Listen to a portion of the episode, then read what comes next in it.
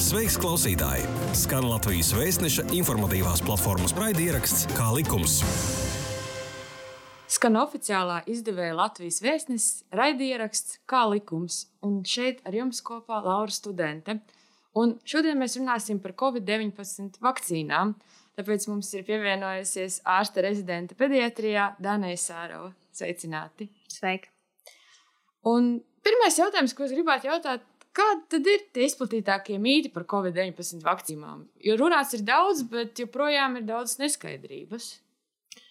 Nu, attiecībā tieši uz Covid vakcīnām, tās tie unikālie mīti, ko mēs redzam tagad, ir tas, ka tās Covid vakcīnas, Pfizer un Moderna, cilvēkiem šķiet, ka viņas uh, izraisa kaut kādas izmaiņas gēnos.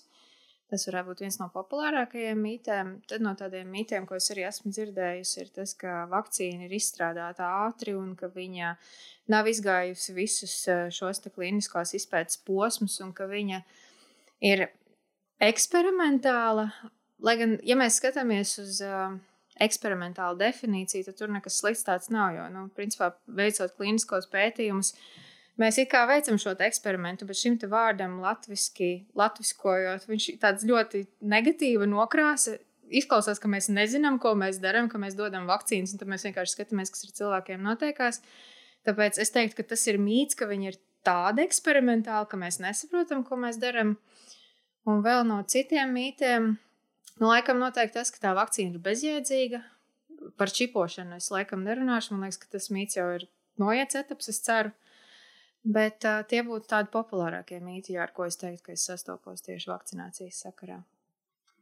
Un kā jūs raksturot, kā, jo ir dzirdēts, ka nu, šīs vakcīnas ir dažādas, ir kopumā dzirdēts, ka ir cilvēki, kuri grib vienu vai otru vakcīnu. Bet kā šīs vakcīnas atšķirās? Jo skaidrs, ka cilvēks jau arī šobrīd nevar izvēlēties, kādu vakcīnu viņš saņems. Mm, principā ir tā, ka ar visām vakcīnām, kas mums ir pieejamas šobrīd tieši pret SARS-CoV-2 vīrusu, um, tā jaunākā tehnoloģija, kas tika izmantota, bija tieši Pfizer un Moderna vakcīnai. Tādas vakcīnas, kā viņas tiek veidotas pēc tās tehnoloģijas, mums iepriekš nekad nav bijušas. Un patiesībā pandēmija ir kalpojusi par tādu ļoti labu spērienu zinātniekiem un, un vakcīnu tehnoloģiem, lai attīstītu šo te tehnoloģiju, kas izskatās, ka ir ļoti, uh, teiksim, tā finansiāli izdevīga. Viņa arī ir ātra ražošanā, un viņa izskatās, ka arī ir ļoti, ļoti efektīva. Pārējās vakcīnas, kas ir vai nu ceļā, vai nu jau pieejamas, nu, pieņemsim, AstraZeneca, viņi ir veidoti pēc tāda principa, kur, kuri mēs jau pazīstam. Tā ir gripas vakcīna. Tās, kas nāk, nākamās vakcīnas, Johnsons, Johnsons vai Jansens, viņš arī ir tāds pats kā iepriekš zināmās gripas vakcīnas, un principā arī visas pārējās ir tādas, kuras mums jau ir zināmas, pieņemsim, kur ir vakcīnā ielikti šī spēka proteīna, pīķa proteīna, olbaltumvielu gabaliņi. Tās vakcīnas mums ir zināmas. Um, atš, atšķirības starp šīm vakcīnām, um, protams, ja mēs skatāmies uz tādiem sausiem datiem, tad mēs redzam, ka pieņemsim šīs mRNS vakcīnas, kas ir Pfizer vai Moderna, viņas izskatās iedarbīgākas, jau efektīvākas. Tad mēs sasniedzam šo te, mm, aizsardzības pakāpi lielākam procentam cilvēku. Uh, bet, uh, ja mēs runājam par AstraZeneca, tad tur tie dati visu laiku ir tādi šūpojušies nedaudz, un man liekas, tāpēc arī cilvēkiem ir tāda neusticība pret šo vakcīnu. Lai gan skatoties šobrīd uz to īsto dzīvi, un kas notiek Lielbritānijā, mēs redzam, ka tā vakcīna strādā ārkārtīgi labi. Un, uh, ja jūs jautājat man, kādas ir manas preferences attiecībā uz vakcīnu, es teiktu, ka, ja man vakcinētu, es, es ņemtu jebkuru. Es uh, šobrīd neredzu tādu nevienu vakcīnu, kas būtu visās pozīcijās labāka nekā pārējās.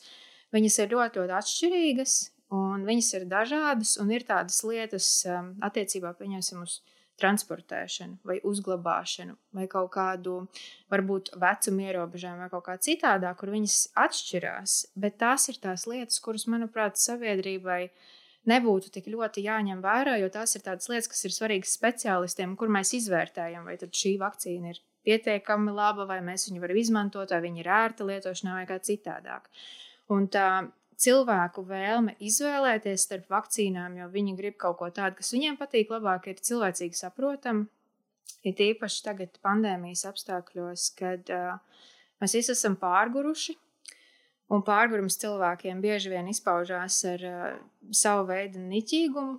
Un tagad mēs arī varam just, ka cilvēki ir tik ļoti es nezinu, izdeguši, pārdeguši emocionāli, ka viņiem vienkārši gribas jau tā kā sākt piekasīties pie kaut kādām mazām lietām. Un tad viņi sāk piekasīties pie tā, ka tur AstraZenekai kaut kas tas ir noticis, ka tur Pfizeram varbūt ir tādas lietas un citādāk. Bet uh, kopumā es teiktu, ka visas vakcīnas ir pietiekami drošas, ka viņas ir labas tieši šo gadījumu skaita samazinājumā, un īpaši svarīgi, ka viņas samazina šo hospitalizācijas daudzumu. Tāpēc Es cilvēcīgi saprotu, gribas izvēlēties kaut ko, bet pandēmijas apstākļos es teiktu, ka visas viņas ir labas un, un izmantojamas. Viena lieta, kas varbūt vēl mūsu šeit būtu ar AstraZeneca, ir tas, ka pa laikam parādās šī informācija par kaut kādām vai nu vecuma grupām, kur, kur kaut kas nav labi, vai arī par partijām, kas ir. Jā. Tas es pieļauju, ka viss šī informācija tikai jau tā sāsina Jā. to. Jā, tas, tas ir tas šobrīd tas paradoks, kurā mēs dzīvojam, ka, pieņemsim, es nu, jau desmito gadu esmu medicīnā, esmu pieradusi pie tā, ka dati mainās, fakti mainās, un mani tas nemulsina, man tas neizraisa neusticību. Es vienkārši esmu pie tā pieradusi, ka tiklīdz ienāk jauni dati, mēs pamainām savus uzskatus.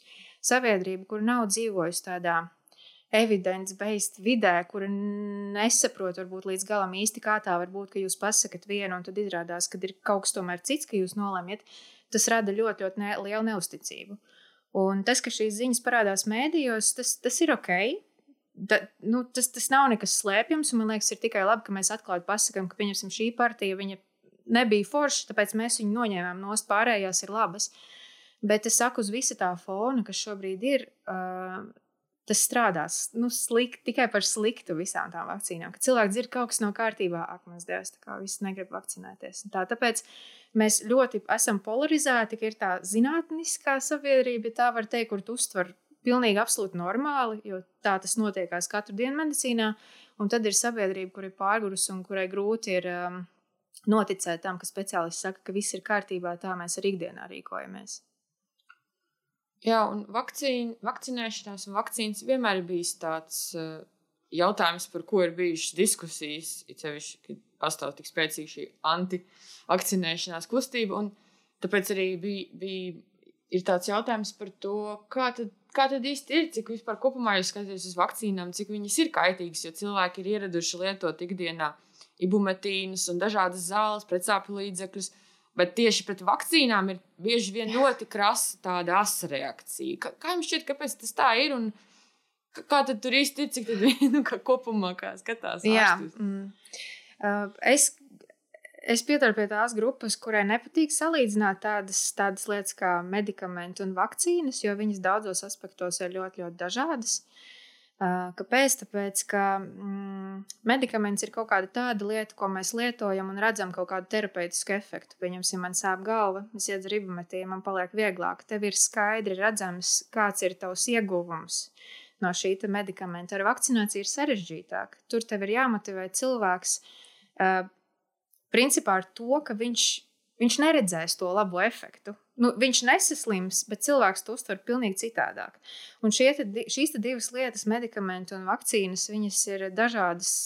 No, arī no psiholoģiska aspekta, jo vakcīna ir profilaktisks līdzeklis, kamēr medikaments ir terapeitisks un ārstējošs līdzeklis. Tāpēc es vēlreiz saku, cilvēkam ir vieglāk saprast kaut kādas um, medicīniskas lietas iedarbību, ja viņš redz rezultātu. Uh, Tāpēc uh, ir grūti saprast, kāpēc man ir uh, jāiet un jāvakcinējās un jāveic injekcija, kas ir sāpīga, ja es tā neredzu varbūt to rezultātu. Jo viņi tāda, nu, tā tas diemžēl ar vakcīnām ir.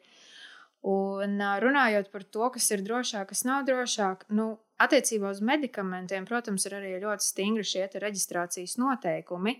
Bet um, viņi ir mazāk stingri nekā attiecībā uz vakcīnām.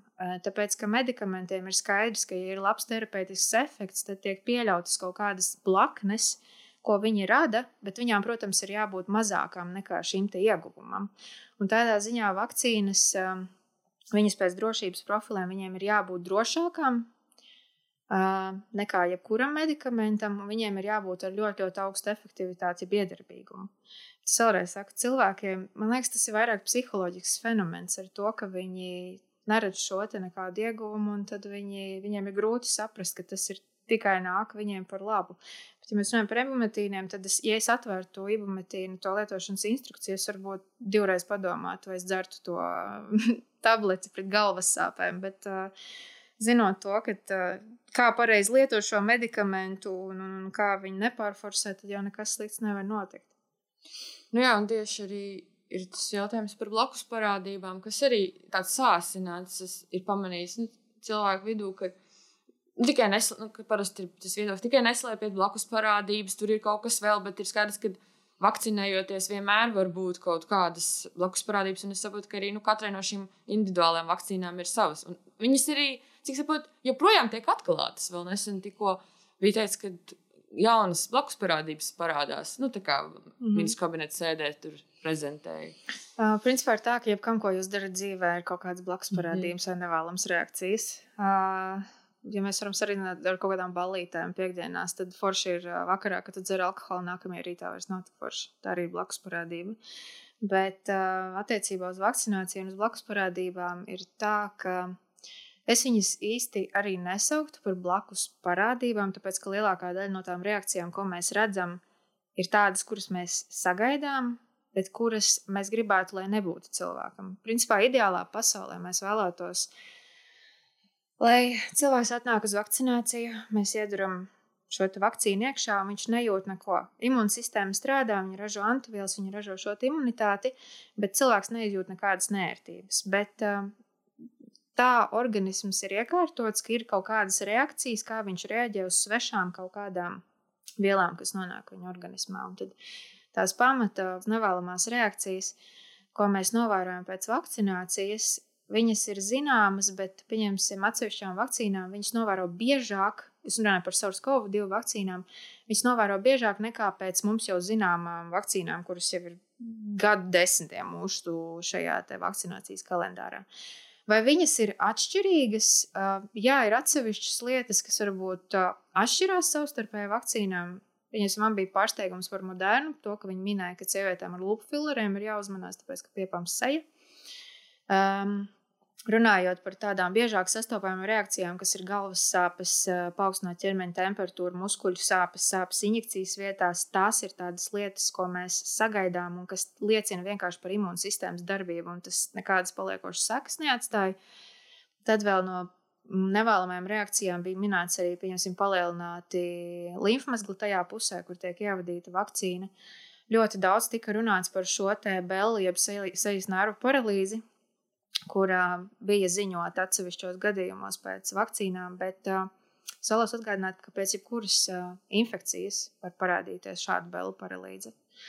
Un arī palielināt līmfmazgu var parādīties pēc jebkuras infekcijas. Tāpēc um, Nu jā, tas atkal ir tas, ka cilvēki, mēs vakcinējamies, mēs neredzam kaut kādu to tiešo labumu, bet mēs pievēršam ļoti uzmanību tām nevēlamajām reakcijām. Daudziem cilvēkiem liekas, ka tas ir kaut kas slikts, ja ar mani kaut kas notiekās pēc vakcinācijas. Statistika, statistika nu, varbūt aptuveni, piemēram, desmit cilvēki. Nu, cik no viņiem varētu sajust kaut kādus spēcīgu reakciju, vai tas tā nav iespējams? Tā? Uh, par, par kādu spēcīgu reakciju mēs Nē, nu, varbūt kaut ko, kaut ko izteikt, izteikt kaut kādu, izteikts blakus parādības vai kaut ko tādu.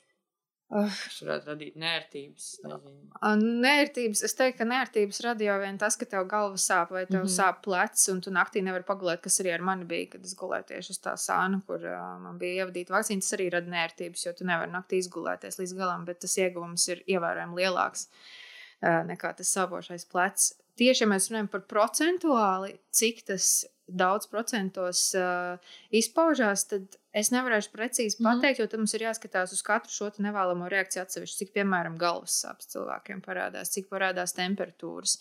Vai tas parādās pēc pirmās vai pēc otrās vakcīnas? Nu, es vēlreiz saku, pieņemsim, Pfizeram un Modernai. Te, šīs te nevēlamās reakcijas, kuras mēs mazāk novērojam pēc jau ierastajām, vecajām, labajām vakcīnām, viņas ir biežākas. Mm -hmm.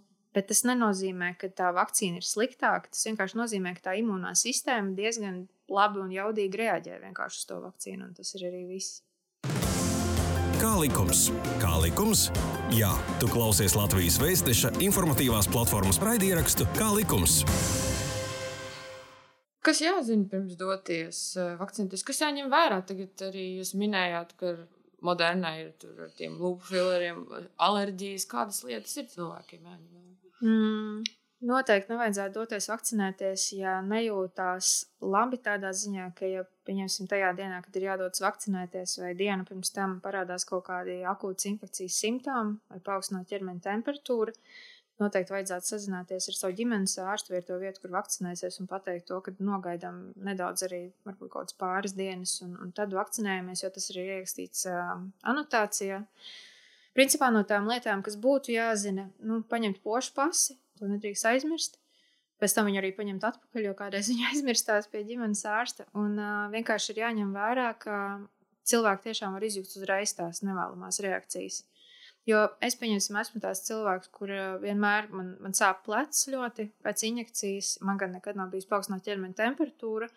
Un arī pēc šīs vakcīnas bija tā, ka es pēc divām stundām sajūtu, ka man jau sāp galva, un kādam cilvēkam tas var traucēt strādāt. Tā kā vienkārši ir jābūt, nu, saprotošam un jāņem vērā tas, ka pēc šīm vakcīnām tu vari nejusties tik labi, kā tu jūties ikdienā. Un arī viens jautājums, kas uh, uzpildīt, ir šis jautājums par antivielām, cik ilgi viņas varētu saglabāties. Un es saprotu, šobrīd jau ir tā vēl pāragri runāt par to, kā, Jā. cik ilgi tu varētu būt. Jā, šobrīd ir noteikti pāragri par to runāt, tāpēc ka um, šī kliniskā pētījuma trešās fāzes, kuras tik ļoti patīk pieminēt visiem un teikt, ka viņas nav beigušās, tāpēc vakcīnas nav līdz galam izpētītas. Viņas turpinās, zinātnieki turpina ievākt datus, turpina uzraudzīt šos cilvēkus, kas ir iekļauti pētījumā, un arī ņem analīzes un skatās šos antivielu titrus. Un tikai patiesībā pēc laika mēs varētu pateikt precīzi, cik ilgi un cik noturīga ir šī vakcīna. Un, attiecīgi, No tiem datiem izējot, mēs arī varēsim pateikt, vai šī vakcinācija būs ikgadēja, pieņemsim, kā gripas vakcīna, vai arī pietiks ar šīm divām vai vienu vakcīnas devu uz visu mūžu. Es zinu, ka daudziem arī patīk prasīt, lūdzu, tur, kā, kā jums šķiet, varbūt jūs varat minēt, vai uzminēt, vai paredzēt, cik ilgi tā imunitāte noturēsies. Nu, es varu pateikt, ka mēs medicīnā neminam lietas, mēs neparedzam lietas, mēs balstamies uz datiem. Uh, Un uh, dati vēl prasīs kaut kādu laiku, būs nedaudz jāpaciešās, un tad mēs arī varēsim zināt precīzāk, cik ilgi tā imunitāte saglabājies.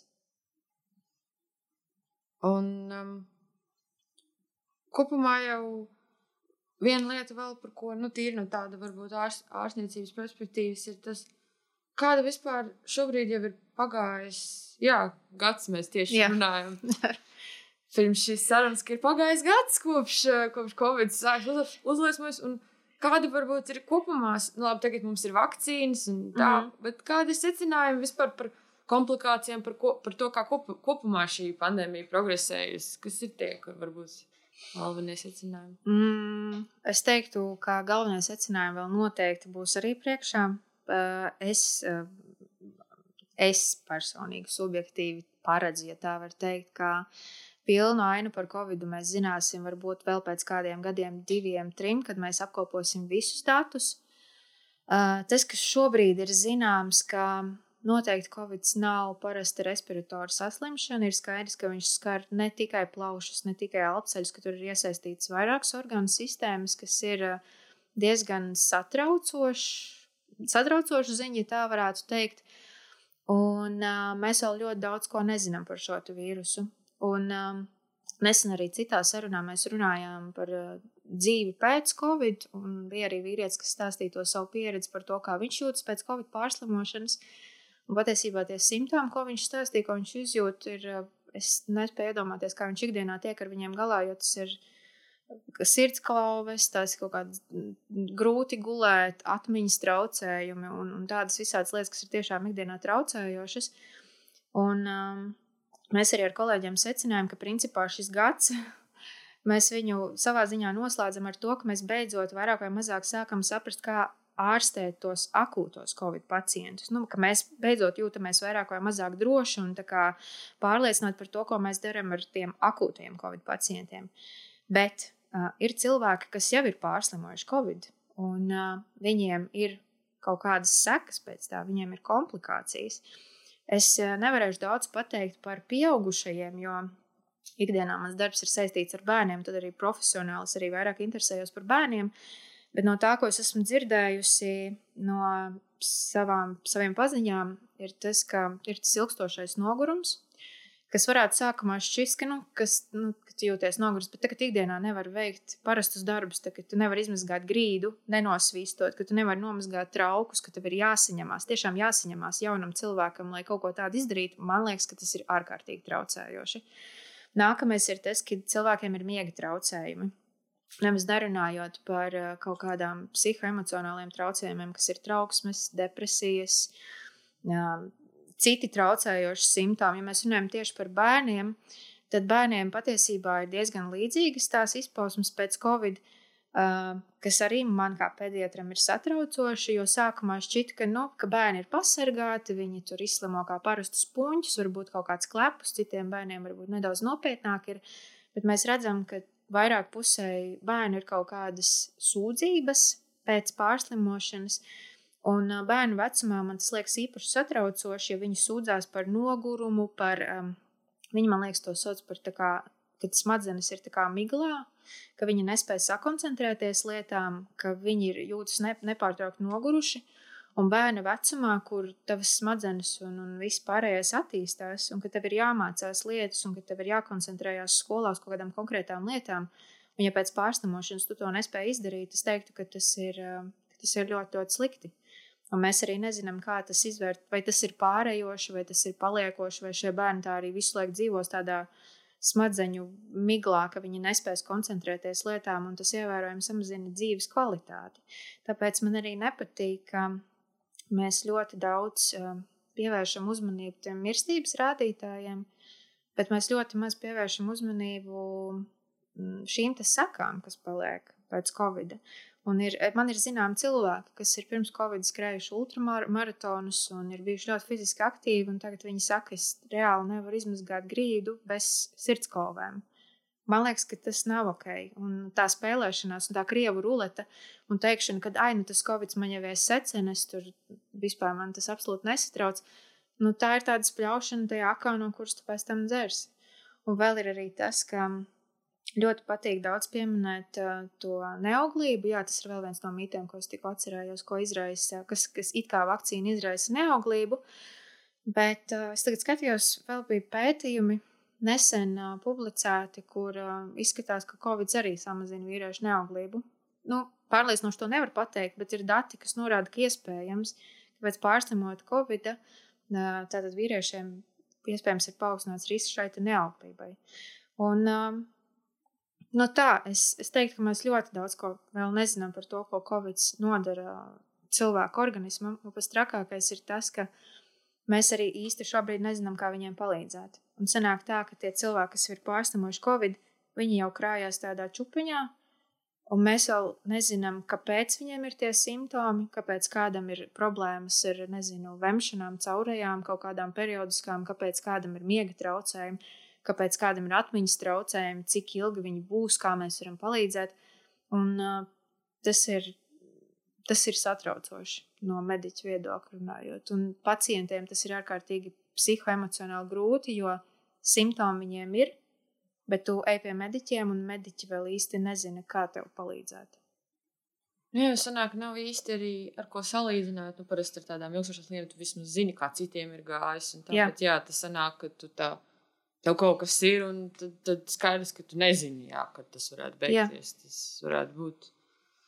Un, nu jā, tādā, tādā ziņā, protams, ir, ir jau arī par šo vakcināciju. Liekas, dažreiz arī cilvēki īsti kam to vajag, un tad liekas, man varbūt nē, bet nu, tas jau ir tā kā kopējam labumam, lai tiešām lai visi nesaslimtu. Jā, Tā ir. Es pieņemsim, kad man jautā, kāpēc es vakcinējos. Nu, es ne pēc vecuma, ne pēc savām kaut kādām blakus saslimšanām, es neesmu riska grupā. It kā. Lai gan es, ne, es negribētu pārslimot Covid. Var jau būt, ka es esmu viņu pārslimojis. Es nezinu, es neesmu skatījusies ne antivielas, esmu testējusies, ja tas bija nepieciešams, bet es vienmēr biju Covid negatīva. Un, uh, es nezinu, vai es esmu pārslimojusi, bet uh, pirmkārt, es negribu spēlēt krievu ruleti, riskēt ar to, ka es nevarēšu izmazgāt grīdu. Nu, kaut kā tik tri triviāli. Bet mans tas galvenais motīvs, kāpēc es to daru, tāpēc, ka man tiešām rūp tie cilvēki apkārt, jo es strādāju tādā vidē, kur es redzu uh, slimus cilvēkus, kuri ikdienā jau tā cīnās ar kaut kādām veselības problēmām. Un, uh, ja es varu izdarīt kaut ko, lai šis cilvēks justos drošāk manā, manā klātbūtnē, es to nepārprotami darīšu.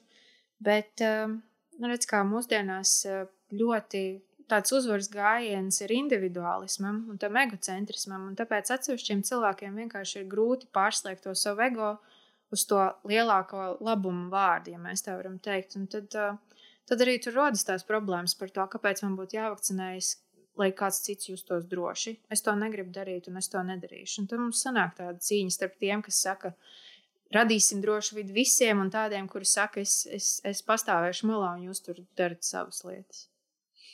Jā, tas ir arī kaut kāds empātijas jautājums par tiem arī tiem daudziem cilvēkiem, kas ir jau zaudējuši savus tuviniekus, Jā. un kur arī cīnās varbūt ar tām blaknēm, kad, kad citi cilvēki tomēr uzskatītu, ka tas ir nopietni, joprojām pēc gada pēc gada laikam joprojām ir cilvēki, kas neuzskata, nu, tas ir nopietni. Jā, bet uh, tas ir arī, es saku, tas ir vairāk tāds psiholoģisks fenomens. Es nedomāju, ka tie cilvēki ir neempātiski un slikti. Tas ir vienkārši reakcija uz ļoti ilgstošu un ļoti smagu krīzi, ka viņi vienkārši noliec to problēmu. Un tā arī cilvēki daudzas lietas noliec ikdienā. Ir vieglāk izlikties, ka tās problēmas nav, un tas nozīmē, ka man nekas nav jādara. Un tā ir tāda, nu, cilvēku reakciju uz krīzi. Un mums kaut kā ir jāmēģina ar, nevis ar to cīnīties, bet uh, manā skatījumā, ja mēs runājam par vakcināciju, šobrīd infektuologiem, epidemiologiem un, un vakcinācijas speciālistiem es nezinu, vai vajadzētu iesaistīties tik daudz šajā vakcinācijas komunikācijā, mēģināt pārliecināt, jo tā informācija ir visur. Ir jau skaidrs, cik efektīva ir Pfizer vakcīna, kā viņa strādā un tā tālāk. Un tā joprojām tur infektuologam un vakcinācijas speciālistam vairs īstenībā nav ko stāstīt. Manā skatījumā šobrīd ir laiks eh, piesaistīties.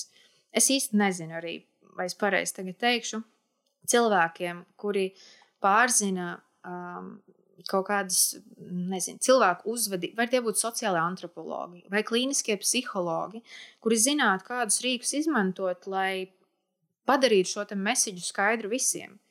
Jo es vēlreiz atkārtošos, visiem nav sapratnes par to, ka mana izvēle ietekmē pārējos. Viņiem liekas, ka tas ir tikai mans lauciņš, un tad manas izvēles paliek manas izvēles. Tāpēc eh, būtu ļoti forši, ja kaut kādi sociālai antropologi vai tie, kas pārzina cilvēku uzvedības aspektus, ka viņi palīdzētu un viņi iesaistītos šajā komunikācijā, jo tad viņi varētu palīdzēt, varbūt pavērst to bildi citādāk. Priekš tiem cilvēkiem viņi paskatītos šo situāciju pilnīgi no cita aspekta. Jā, tur ir no tādiem. Tur nedaudz ir arī tas arī jautājums par to, kādā situācijā tas cilvēks ir un kā, jā, kādā, kādā situācijā piemēram, ir cilvēki, kur nevar nebraukt ar sabiedrisko transportu. Ir cilvēki, kas var braukt ar savu mašīnu, arī ir atšķirība. Nu, tu vienmēr esi vairāk pakļauts riskam nekā tas, kurš nu, tā. Un, un skaidrs, ka tam cilvēkam, kurš varbūt ir ikdienā, varbūt ir pasargātāks, jo viņš nestrādā ar cilvēkiem, vai, vai kā viņam varbūt arī liekas, ka tas tā kā viņš mazāk var ietekmēt tos citus, bet patiesībā jau viņš arī kaut kur apgrozās. Tā. Jā. Jā, tāds ir. Un, protams, ir arī jāņem vērā tas, ka, mm, pieņemsim, man ir darbs, man nav bijusi situācija, ka man darbs nav, ka man vienkārši pasaka, tev ir jāsēž mājās. Man nav bijusi situācija, ka es nezinu, nu, man nav bijušas vienkārši tādas lielas krīzes situācijas, vēl uz šīs lielās pandēmijas fona. Un ir cilvēki, kuriem tiešām šobrīd iet grūti, tiešām grūti, gan finansiāli, gan emocionāli, kuriem iespējams nav par ko nomaksāt dzīvokli, un kuriem ir, ir ļoti dziļa viena alga par šiem ierobežojumiem. Tāpēc viņam ir jādomā, kā vienkārši izdzīvot. Un, um, tāpēc tā krīze Es domāju, ka viņa, viņa vēl būs kādu laiku. Mēs nosvinēsim gada jubileju pandēmijai, bet um, ar, ar to viss nebeigsies. Un es arī, mm, es arī teikšu, ka, uh, teikt, ka vakcinācija ir panacēja un ka mēs tagad visu savakcinēsim un viss ar to arī beigsies. Es arī neuzņemšos tādu atbildību, tāpēc ka mēs arī vienā citā sarunā runājam, ka viens ir tas, ko mēs esam izplānojuši un paredzējuši ar vakcīnu, bet otrs ir tas, ko Covid ir izdomājis, vai viņš nenomutēs pēkšņi tā, ka neviena vakcīna vairs nestrādā vai kā citādi. Tā kā pacietības mums vajadzēs daudz, un uh, cerēt šobrīd uz vakcināciju kā uz tādu pestītāju, nu, mēs varam baigi aplausties patiesībā. Mēs runājām šodien ar ārstu rezidentu pediatrijā Danu Sāru. Visu labu! Šī bija iknedēļas pusstunda kopā ar oficiālā izdevēja Latvijas vēstneses informatīvās platformas raidierakstu Kā likums. Pastāsti citiem, ja bija noderīgi un interesanti. Kā likums, tiekamies ik trešdienu!